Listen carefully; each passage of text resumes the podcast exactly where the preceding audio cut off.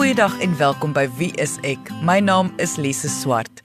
Weekdae om 10uur op Wie is ek se Facebookblad doen ek live gesprekke met verskillende sielkundiges oor verskeie onderwerpe aangaande sielkundige toestande en menslike gedrag. Verlede week het ek met kliniese sielkundige van Stellenbosch Johannes Schikkerling gesels oor outisme. Hierdie episode was nie net omvattend nie, maar ook geweldig gewild en ek het besluit ander mense moet ook hierdie episode hoor om meer te leer oor hierdie diagnose, maar ook om dalk die wêreld op 'n ander manier te sien. Indien jy enige vrae het, kan jy ons kontak deur ons webwerf by www.wieisek.co.za. So dit is waarna ons vandag gaan luister na die regstreekse gesprek tussen my en Johannes Schikkerling oor outisme. Janus, ons praat vandag oor autisme. Ehm um, onder meer, ek bedoel jy sien van klein na groot, met ander woorde volwassenes en kinders, maar jy hmm. het die ekstra opleiding en ervaring veral wanneer dit kom by autisme. Net vir duidelikheid, vir diegene wat kyk wat hmm. regtig nie eintlik verstaan wat dit is nie. Kan jy vir ons verduidelik wat is autisme? Hmm. Autisme is eintlik 'n neurobiologiese verstoring wat ons weet in mense se breine is. Met ander woorde, en dit uh, kan wissel van grade daarvan. Ons sien dit is mense wat ander tipe breine het. Ons noem dit soms logiese breine en hulle verstaan en interpreteer die wêreld baie anderste as meeste ander mense. So mense kry hmm. mense wat dan op die autisme spektrum is en hierdie spektrum is 'n wye veld van versteurings van baie ernstig en as ons baie keer word die woord autisme geassosieer met mense wat fisiese simptome het wat intellektuele simptome het soos hulle kan byvoorbeeld nie praat nie en natuurlik sosiale simptome ook. So ons hmm. kyk dan draai drie velde. En dan kry jy mense wat baie minder ernstig is en ons het altyd in die ou dae het ons genoem Aspergers, maar hulle is nou deel oh. van die autisme spektrum en hulle het alles fisies heeltemal fyn, hulle is intellektueel heeltemal okay of selfs superieur intellektueel, maar op 'n sosiale vlak ehm um, verstaan hulle of interpreteer hulle nie die wêreld soos wat meeste ander mense doen nie. En dit is eintlik 'n neurobiologiese rede. Dit is nie omdat hulle dom onnosel of iets uit die ouers verkeerd gedoen nie. Mense is regtig so gebore, dit is 'n genetiese ding en dit is net wie hulle is. En ons ja. werk is natuurlik om hulle te identifiseer en om hulle te help om te verstaan wat is hierdie ding sodat hulle goeie behandeling daarvoor kan kry. Hmm. Ja, hier het nou eintlik geantwoord, maar ek gaan sommer nou eers wel by sy hierso hmm. sit van autisme Asperger 100% geneties, want wat om dit nou net te interpreteer wat jy sê is dis nie 'n siekte soos nee. ADHD of ADD of so iets dis nie iets wat wat nou maar ontwikkel nie jy word ja. gebore ja. dat jou neurologies werk jou brein anders op 'n ander manier Presies, presies. So dit is nie 'n psigologiese ding nie. So iemand wat sosiale angs het, so baie keer moet ons daai twee uitmekaar uit sny. Tussen wie het sosiale angs en hulle lyk dan baie keer soos iemand wat Asperger het want hulle word geweldig angstig en so teenoor iemand wat regtig autisme het. En en hmm. daar is 'n groot verskil. Die een is psigologies van aard en ons kan terapeuties daarmee werk. Die ander een is 'n brein neurobiologiese ding. Dit is 'n brein veranderlike as ons dit so kan noem. En hulle is geneties so geprogrammeer. So hulle gaan nooit in 'n kamer kan instap en dit kan scan en dan presies weet daar sit die uh, wetenskaplikes, daar sit die sportmense, daar sit en, en en so hulle hulle verstaan, hulle breine interpreteer dit nie soos wat meeste ander mense doen nie. In die algemeen hmm. kom dit op 'n uh, die manier hoe hulle sosialisering interpreteer. En daai yes. moet jy nou net net net gou gefos 'n bietjie meer verduidelik. Yes. Ek wil nou amper so karakters ons... inbring soos Big Bang Theory se se yes, Sheldon. Ja, yes. ja, ja, ja, ja. Presies, presies. En hy is so 'n goeie voorbeeld. Hy's 'n briljante voorbeeld daarvan. Bietjie hmm. ekstreem. Mens kry mense wat nie so hmm. ekstreem is nie, maar maar wel 'n goeie voorbeeld. So ons kyk altyd hmm. na drie kwalifiserende faktore. Die een is sosiale kommunikasie. So hoe verstaan hulle sosiale kommunikasie? So iets wat ons baie keer kry is dat beeldspraak verstaan hulle nie. Hulle hulle ehm um, ek wil nou 'n voorbeeld neem soos die appel val nie ver van die boom af nie. En hulle sal dit letterlik dan sien. So hulle sal nie verstaan dat dit dan iets te doen het met 'n pa en 'n seun wat nou byna soos mekaar het nie. Hulle sal letterlik dink, "Oké, okay, maar hoekom praat jy nou skielik van 'n appel en 'n boom?" Jy weet ja. in hierdie gesprek. En ons het nou net oor iemand se ouers gepraat. So dit nie 'n sosiale verstaan van kommunikasie nie, maar meer 'n letterlike verstaan van kommunikasie. Dan die tweede ding waarna ons kyk is sosiale interaksie of sosiale verhoudinge. Hoe goed is hulle om verhoudinge te skep en te onderhou? Verstaan hulle dit of sukkel hulle om sosiale verhoudinge te hou of verhoudinge maar in die algemeen? Eintlik maar. Mm -hmm baie keer het hulle vermoë om byvoorbeeld 'n werksverhouding, want dit is baie duidelik en dit is baie logies. Jy doen dit, ek doen dit, ons praat daaroor en amen, dit dan is dit klaar. Hmm. Maar uh maar op 'n sosiale vlak sukkel hulle geweldig. En dan die derde uh, aspek waarna ons kyk, is sosiale verbeelding. Is hoe goed is hulle om hulle self in die skoene van iemand anders te, te sit. En dit is nie empatie nie. Baie keer wys hulle baie goeie empatie. Met ander woorde, as hulle sien iemand is hartseer, dan wil hulle baie graag troos, maar hulle kan nie regtig verstaan hoe daai persoon voel nie. Ons almal het ons daai goeie vermoë om regtig jouself in iemand anders se skoene sit te sit ja. en hulle sukkel daarmee. Met ander woorde, hulle het nie 'n idee wat is die effek van hulle gedrag op iemand anders te nie. So dis die drie hoofsaaklike goed hmm. waarna ons kyk. Hmm. Ander goed waar ons ook nog na kyk is goeters soos obsessies, goeters waar hulle hulle sal hulle self geweldig verdiep uh, in enigiets. Die tweede ding waarna ons kyk is sensoriese sensitiwiteite. Baie keer wat ons kry, hulle is tas sensitief, hulle is smaak sensitief, ruik baie sensitief of gehoor enigiets mm. van die sensoriese goed dat hulle baie hoë profiel daai het. En dan die laaste ding waarna ons kyk is rigiditeit. En dit is maar eintlik aanpasbaarheid. Hoe aanpasbaar is hulle? En daar's so 'n mooi mm. voorbeeld altyd van en ek dink Sheldon is ook so, jy moet presies vir hom sê waartoe jy gaan en jy mag net dat daai twee plekke toe gaan en as jy iewers anders toe gaan want dit is nou geleë of jy is naby, dan flip hulle heeltemal uit want jy het eintlik gejok. En dit is dan hmm. aanpasbaarheid. Hulle is nie aanpasbaar tot uh die hmm. sosiale omgewing nie of dit wat jy gesê het of verstaan dit nie. Jy as jy sê jy moet soontoe gaan, dan moet jy net na daai twee plekke toe gaan en nêrens anders toe nie. As ek dit met opsom 'n gelukkige autistiese kom ons sê nou maar persoon of kind sal dan met ander woorde is rustig en kalme omgewing hê. Alles sal direk verduidelik word. Niks sal ooit so sê net maar sarkasties wees nie. Grappies is uit en gee hulle toe om te doen wat hulle van hou. Yes. Struktuur en voorspelbaarheid is die groot ja. ding. Omdat hulle verstaan van die wêreld daar buite anderste is as meeste mense, raak hulle geweldig angstig. En dit gebeur met ons almal. As jy iets hm. verwag en dit gebeur nie soos wat jy dit verwag nie, dan raak ons almal angstig. Dit is 'n normale ding. En wat probeer ons dan doen? Ons probeer dan beheer kry daaroor. En dis hoekom hulle hou van die struktuur en die voorspelbaarheid want dan kry hulle presiese beheer oor die oor die wêreld daar buite. Hm. Want meeste van die terugvoer wat hulle al in die wêreld gekry het, is dit wat jy gedink het gaan gebeur, gebeur nie. So hulle kry die hele tyd negatiewe terugvoer, negatiewe terugvoer, negatiewe terugvoer. En dan raak die angs geweldig hoog en baie keer wat ons dan kry is dit hulle dan amper opgee en dan weier hulle om enigiets te doen. Hulle hmm. hulle wil nie buite toe gaan nie, hulle wil nie sosialiseer nie, hulle wil nie skool toe gaan nie. Hulle wil net doen wat hulle wil doen of wat hulle kan doen want dit is die enigste ding waaroor hulle beheer het want hulle weet al gaan ek skool toe, gaan daar een of ander nonsens kom. Al hmm. gaan ek sosialiseer, gaan daar probleme kom. Iemand gaan vir my negatiewe terugvoer gee en dan begin hulle opgee en dit is 'n baie hartseer situasie. Jy luister na Wie is ek op RSG 100 tot 104 FM. Wat ons terapeute wel kan doen is ons kan help met twee dinge. Een, ons kan help om mense te laat verstaan hoe werk dit en dit is veral die omgewing rondom die kind hmm. of rondom die persoon dat hulle baie goeie verstaan het hoe die persoon se brein werk want ons weet hulle aanpassing is nie so goed nie so ons kan eerder vir die mense wat aanpasbaar is vra om by hierdie persone aan te pas dit maak baie meer sin en dan help ons ook vertaal so byvoorbeeld hmm. die appel val nie ver van die boom af nie as ons net vir hulle vertaal wat dit beteken dan sal hulle weer by ons Ja. So baie ja. werk wat ons doen is vertaling daarvan. So ons probeer nooit hulle breine verander nie. Ons probeer net die omgewing rondom hulle 'n 'n struktuur en en voorspelbaarheid in te bring en dat die mense hulle hmm. verstaan en ons help hulle dan net om die wêreld rondom hulle te vertaal vir hulle. Ons almal se droom, autisties of nie, is om beheer te kan uitoefen oor ons hmm. omgewing. Dit is wat ons laat veilig voel. Yes. So wat jy nou sê is hier is hierdie arme mensie wat hmm. kom ons sê nou baie meer streng daarop as wat hulle wil beheer hê.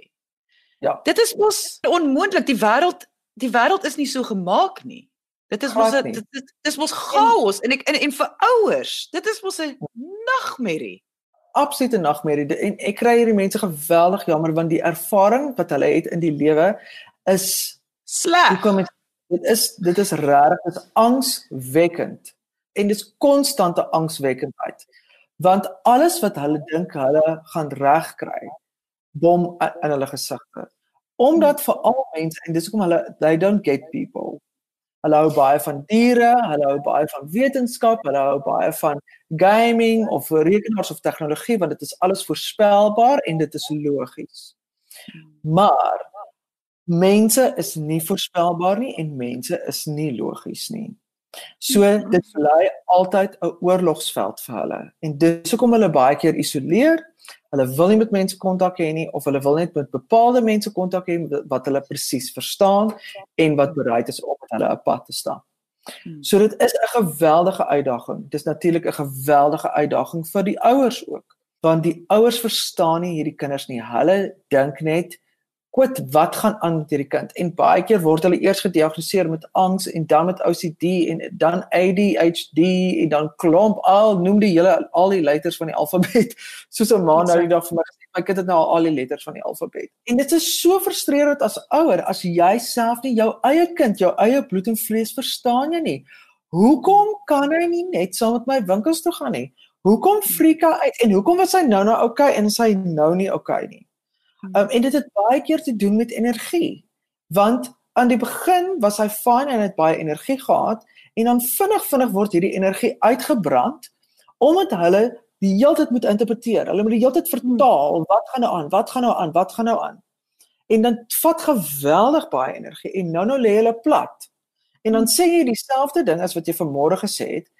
En vanmôre was dit fyn en nou is dit nie fyn nie. Dan het hulle totale meltdown omdat ja. hulle energie, hulle bekertjie is in die minus en hulle het nie plek vir nuwe inligting nie. So ek sou aanneem dit is nie net wanneer dit kom met jy wat nou professionele mense is wat werk met autisme. Dit gaan nie net oor werk met die kind en die aanpasbaarheid van die kind en die alles nie. Dit gaan letterlik oor die hele familie en hoe om eintlik op 'n heel ander manier te kommunikeer. Met ander woorde, want ja. wat jy in teorie sê ja. is 'n ouer gaan amper konstant teen hulle eie instink moet gaan.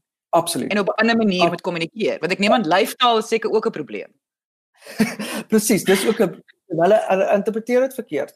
Maar ons kyk altyd na die drie sirkels rondom die kind en die een is die grootste sirkel en dit is dan al die goeders rondom hom. Dit is goeders so skool, vriende, maatjies, al daai buitegoed en dan die tweede sirkel is dan die gesin, die mense wat saam met hom bly, ens. Mm. en dan die klein kind self en ons moet intervensies hê vir al drie daai. So ons moet met die kind werk, ons moet met die gesin werk en ons moet die buite samelewing ook werk behalwe die skool, daai tipe goeders. Hmm. Almal van hulle moet op dieselfde bladsy wees. Almal van hulle moet hierdie kind reg kan verstaan, maar ons werk ook met die kind sodat ons ook sy intelligensie gaan ge kan gebruik om aan te pas, om te verstaan ook 'n mate van vermoë te hê om beter te kan interpreteer. Ons luister vandag na die regstreekse gesprek wat ek gehad het met kliniese sielkundige van Stellenbosch, Johannes Schikkerling, aangaande outisme. Weksdae om 10uur op die Wie is ek Facebookblad gesels ek regstreeks met verskillende sielkundiges oor verskeie onderwerpe aangaande sielkundige toestande en menslike gedrag.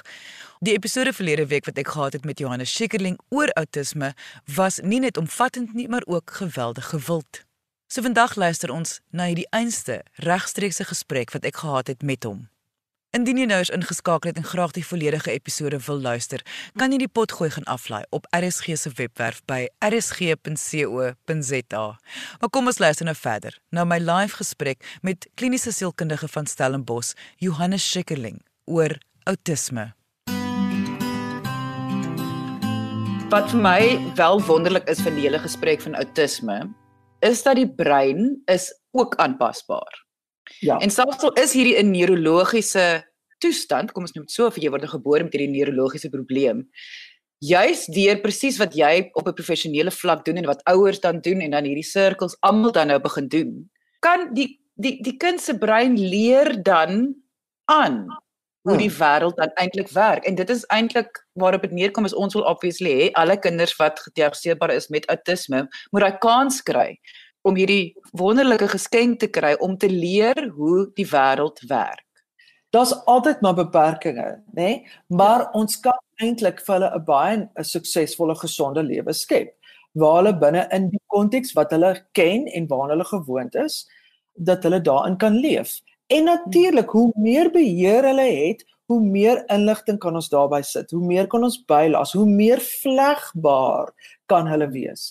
So met ander woorde, as hulle presies weet hoe loop hulle dag, dan vanmiddag dan kan hulle dalk lekker met 'n maatjie speel want daar is vlegbaarheid, maar dit beteken dat dit 'n groot deel van daai dag om die vlegbaarheid te hê, moet dan baie gestruktureerd en voorspelbaar en onder sy beheer te wees, ja. Hmm. Hier vra wel myne sy vra weer 'n vraag, kan 'n mens 'n korrelasie trek tussen die mate van aanpasbaarheid van die persoon en waar hulle op die spektrum lê? Byvoorbeeld, meer aanpasbaar is gelyk aan hoër funksionerend.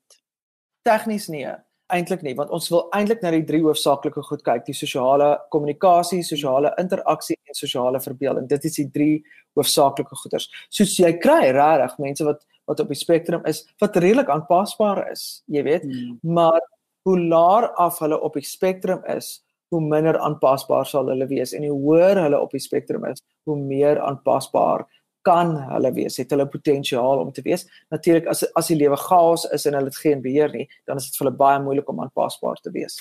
Dit is hoekom ons dan diagnosties hier mooi na moet kyk.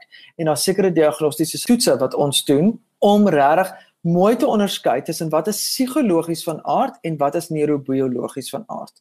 En as ons neurobiologies van aard wil diagnoseer, moet ons kyk is dit 'n uh, iets wat gebore is of is dit iets wat later gekom het soos 'n psigologiese sosiale angs of wat ook al. En ons kan dit met ons toetse onderskei, maar ons het natuurlik die hulp nodig van ouers wat saam met ons in hierdie toetsing sit en ons vra dan klomp vrae. En dan vir jou baie mooi kan sê watse uitvalle het jou kind en en hoe hmm. moet ons te werk gaan spesifiek om hulle te help met aanpasbaarheid, met hulle sosiale verstaan en waar op die spektrum hulle dan is. Is my baie goeie vraag van Tunies van Skoor. Sy vra uh hoop nie die vraag is al beantwoord nie, maar op watter ouderdom kan 'n kind gediagnoseer word? Ons begin kinders diagnoseer vanaf ouderdom rondom 2. Hoekom 2? Want dit is wanneer ons begin sien sosiale interaksie begin al gebeur. Baie keer mis ons die kinders, veral die meer funksionele kinders en kry ons hulle dalk hier op op um, graad 2 vlak of so uh, ouderdom 8, 9 soms is hulle so goed daarin om te mimiek. Dit is soms 'n tegniek wat hierdie kinders gebruik is met hulle intelligensie uh, na aap hulle wat hulle sien rondom rondom hulle en hulle kan dit nogal baie goed doen. Maar hulle na aap dan wat hulle dink is die regte ding om te doen en dan tel ons hulle eers later op. Baie keer eers in hoërskool en baie keer ook eers op universiteit waar dan my geen meer struktuur is nie waar hulle absoluut afhanklik is van hulle eie uh rotine, hulle eie struktuur, hulle moet self hulle lewe in orde kry en dan sien ons eers uh, dat hierdie kind eintlik nog die hele tyd op die spektrum was. En pediaters is is gewoonlik baie goed om om hierdie simptome raak te sien. Jy luister na Wie is ek op RSG 100 tot 104 FM. Is medikasie betrokke by outisme? OK, jy kan ek jou kop. Wat ja, wat se ja. medikasie dan as dit 'n neurologiese probleem is? Ons wil eintlik die angs medikeer. Dit is eintlik die grootste ding. Ons wil die angsvlak wat heeltemal te hoog is, wil ons afkry. En en dit is eintlik die die grootste ding wat ons of of die of die hoofsaaklike ding wat ons medikeer is eintlik die angs. Autisme het baie komorbiditeite soos enige ander kind. Soos enige ander kind kan hulle ook ADHD hê. Hulle kan ook ADD hê. Hulle kan ook OCD hê. Hulle kan ook enige een van die ander diagnoses ook hê. So dit is nie uitsluitlik as jy outisme het, is dit net outisme nie. Hulle kan ook komorbiditeite hê. Maar die hoofsaaklike ding wat ons graag wil medikeer is eintlik maar die angs. Ek is reg as ek sê daar is een of ander ehm um, syfer wat ook wys dat as gevolg van hierdie angs wat so hoog is in hierdie kinders is hulle selfdoodsyfer later jare aansienlik hoër vir 'n groepering ja. spesifiek. Presies, presies. So selfdood is definitief 'n nagevolg vir 'n onbehandelde angs die kinders sal ook baie keer sê niemand verstaan my nie. En dit is raas so regtig niemand verstaan hulle nie. Die manier wat jy die lewe ervaar is vir jou geweldig erg. En hulle vra ook vrae soos: "Maar wie leer vir julle hoe om maatjie Wie wie hoe weet julle hierdie goed? Dit lyk vir hulle soos magic. Hoe weet ons al hierdie goed? Hoe weet ons hoe om 'n gesprek te hê? Hoe weet ons wanneer wanneer is 'n gesprek klaar en kan ek met 'n nuwe onderwerp inkom? Hoe weet ons dit? Hoe weet jy hoe om small talk te doen? Hoekom praat mense nonsens? Hoekom praat hulle oor die weer? Ja. Wat doen julle daarmee? So, hulle verstaan dit regtig nie. En dit is die groot uitdaging vir ons as ons noem dit neurotipiese mense, mense wat sosiale breine het, is om daar's 'n onderskeid tussen sosiaal en intelligensie. Ons het vir jare gedink die twee is dieselfde. Dit is nie dieselfde nie. Net omdat jy slim is, beteken dit nie jy is sosiaal nie. So as hmm. iemand vreemd reageer, sê ons sommer hulle is dom. Hulle is nie dom nie, maar sosiaal verstaan hy nie die wêreld nie. Nie omdat hy dom is nie, maar sy verstaan sy interpretasie daarvan is anderste. En ek sien nou hierso presies dieselfde probleem lê natuurlik by die ouers. Ek sien hier's 'n paar hmm. ouers wat skryf oor hulle word ook geïsoleer deur die samelewing. Ja, want 'n ouer gaan anders optree teenoor hulle kind as wat ander ouers met neurotipiese kinders ja. gaan optree. En dit onmiddellik sit sit ouers af. Want die, teorie is mos net uh, uit 'n plek slaan nodig. Jy kan mos nie so te kere gaan nie. Jy weet in die winkels of of waar ook al. En dit is sy ou manier. Gee wat hy wil hê nie. Ja, ja. Hoe kan ja. sy nou gee wat hy wil hê? So, hy moet mos nou dissipline leer en respek. Waar kom dit vandaan? Soek jy 'n professionele persoon in jou area? Gaan kyk op die WSE kontaklys by www.wse.co.za. Die wêreld is besig om te verander dat autistiese mense is besig om wonderlike loopbane en wow. lewenskwaliteit wel ja. te hê. Dit is ja. absoluut moontlik. Dit is absoluut moontlik met baie ondersteuning ensovoorts, maar dit is absoluut moontlik. En as hierdie hmm. mense in hulle comfort zone is, dan kan hulle 'n heerlike lewe hê met hmm. met 'n werk wat hulle kan hou, hulle kan selfs gesinne hê, hulle kan selfs baie kreatief wees in hulle in hulle tipe, jy weet en, en ons weet as hulle inzoom in 'n ding en wow, wow. Hmm daar's mm. niemand wat my so kan entertain soos soos die soos die mense op die spektrum nie want die detail wat hulle oor iets het en die manier wat hulle oor iets dink is soms so anderste en so briljant dat ek dink wow hoekom het ons nie lankal daaraan gedink nie jy weet so daar lê regtig baie opgesluit in hierdie mense maar ons mm. mis dit want ons wil die hele tyd 'n sosiale ding 'n sosiale deksel daarop sit ons wil hê die die manier wat hulle dit uh uh, uh vir ons aanbied, moet sosiaal van aard wees. En ons is daai dan eers weg, dan sien jy eintlik die mooiheid van van elke persoon. Wat ek baie keer sien op sinne was soos Facebook, as ek die memes wat uitkom, dan sien jy hoe mense sal sê dat hulle dink dat mense met autisme weet baie beter hoe die wêreld werk as ons neurotipiese mense wat ja. nie dit het. Ek het soveel by die autiste geleer oor ons as mens. Selfs in my gewone terapie, dit het my as 'n terapeut vir neurotipiese mense soveel beter gemaak. Hoekom? Want ek moet skielik dink, hoekom sosialiseer ons? Hoekom doen ons small talk? Wat is die rede vir al hierdie tipe goed? Want ek moet dit nou aan hulle verduidelik. En dit gee my soveel beter insig oor hoe is ons as neurotipiese mense? En goeders wat ons blaatant aanvaar, moes ek uh myself bevraagteken en antwoorde probeer kry oor die mensdom. En dit gee vir jou heeltemal 'n ander perspektief en soveel uh, so mooi Engels woord enlightenment. Jy weet uh, uh, daar gaan regtig 'n lig by jou op oor hoe uh, ons as mense uh, omgaan met mekaar en en hoe ons eintlik dit beter kan doen is dit regtig nodig om so lelik te wees of is daar nie 'n ander manier wat mens dinge kan stel nie Dit was kliniese sielkundige van Stellenbosch, Johannes Schikkerling, en ons het geluister na 'n regstreekse gesprek wat ek verlede week met hom gehad het oor outisme. Weeksta 10uur gesels ek met verskillende sielkundiges oor verskeie onderwerpe aangaande menslike gedrag en sielkundige toestande op ons Wie is ek Facebookblad onder Wie is ek SA. En onthou, jy kan enige tyd jou vrae kom vra vir 'n ervare sielkundige of sommer net kom saamgesels. Dankie dat jy vandag ingeskakel het. Ons maak weer so volgende Vrydag 0.30 net hier op RSG. Jy moet 'n heerlike naweek hê en onthou, kyk mooi na jouself en jou kind.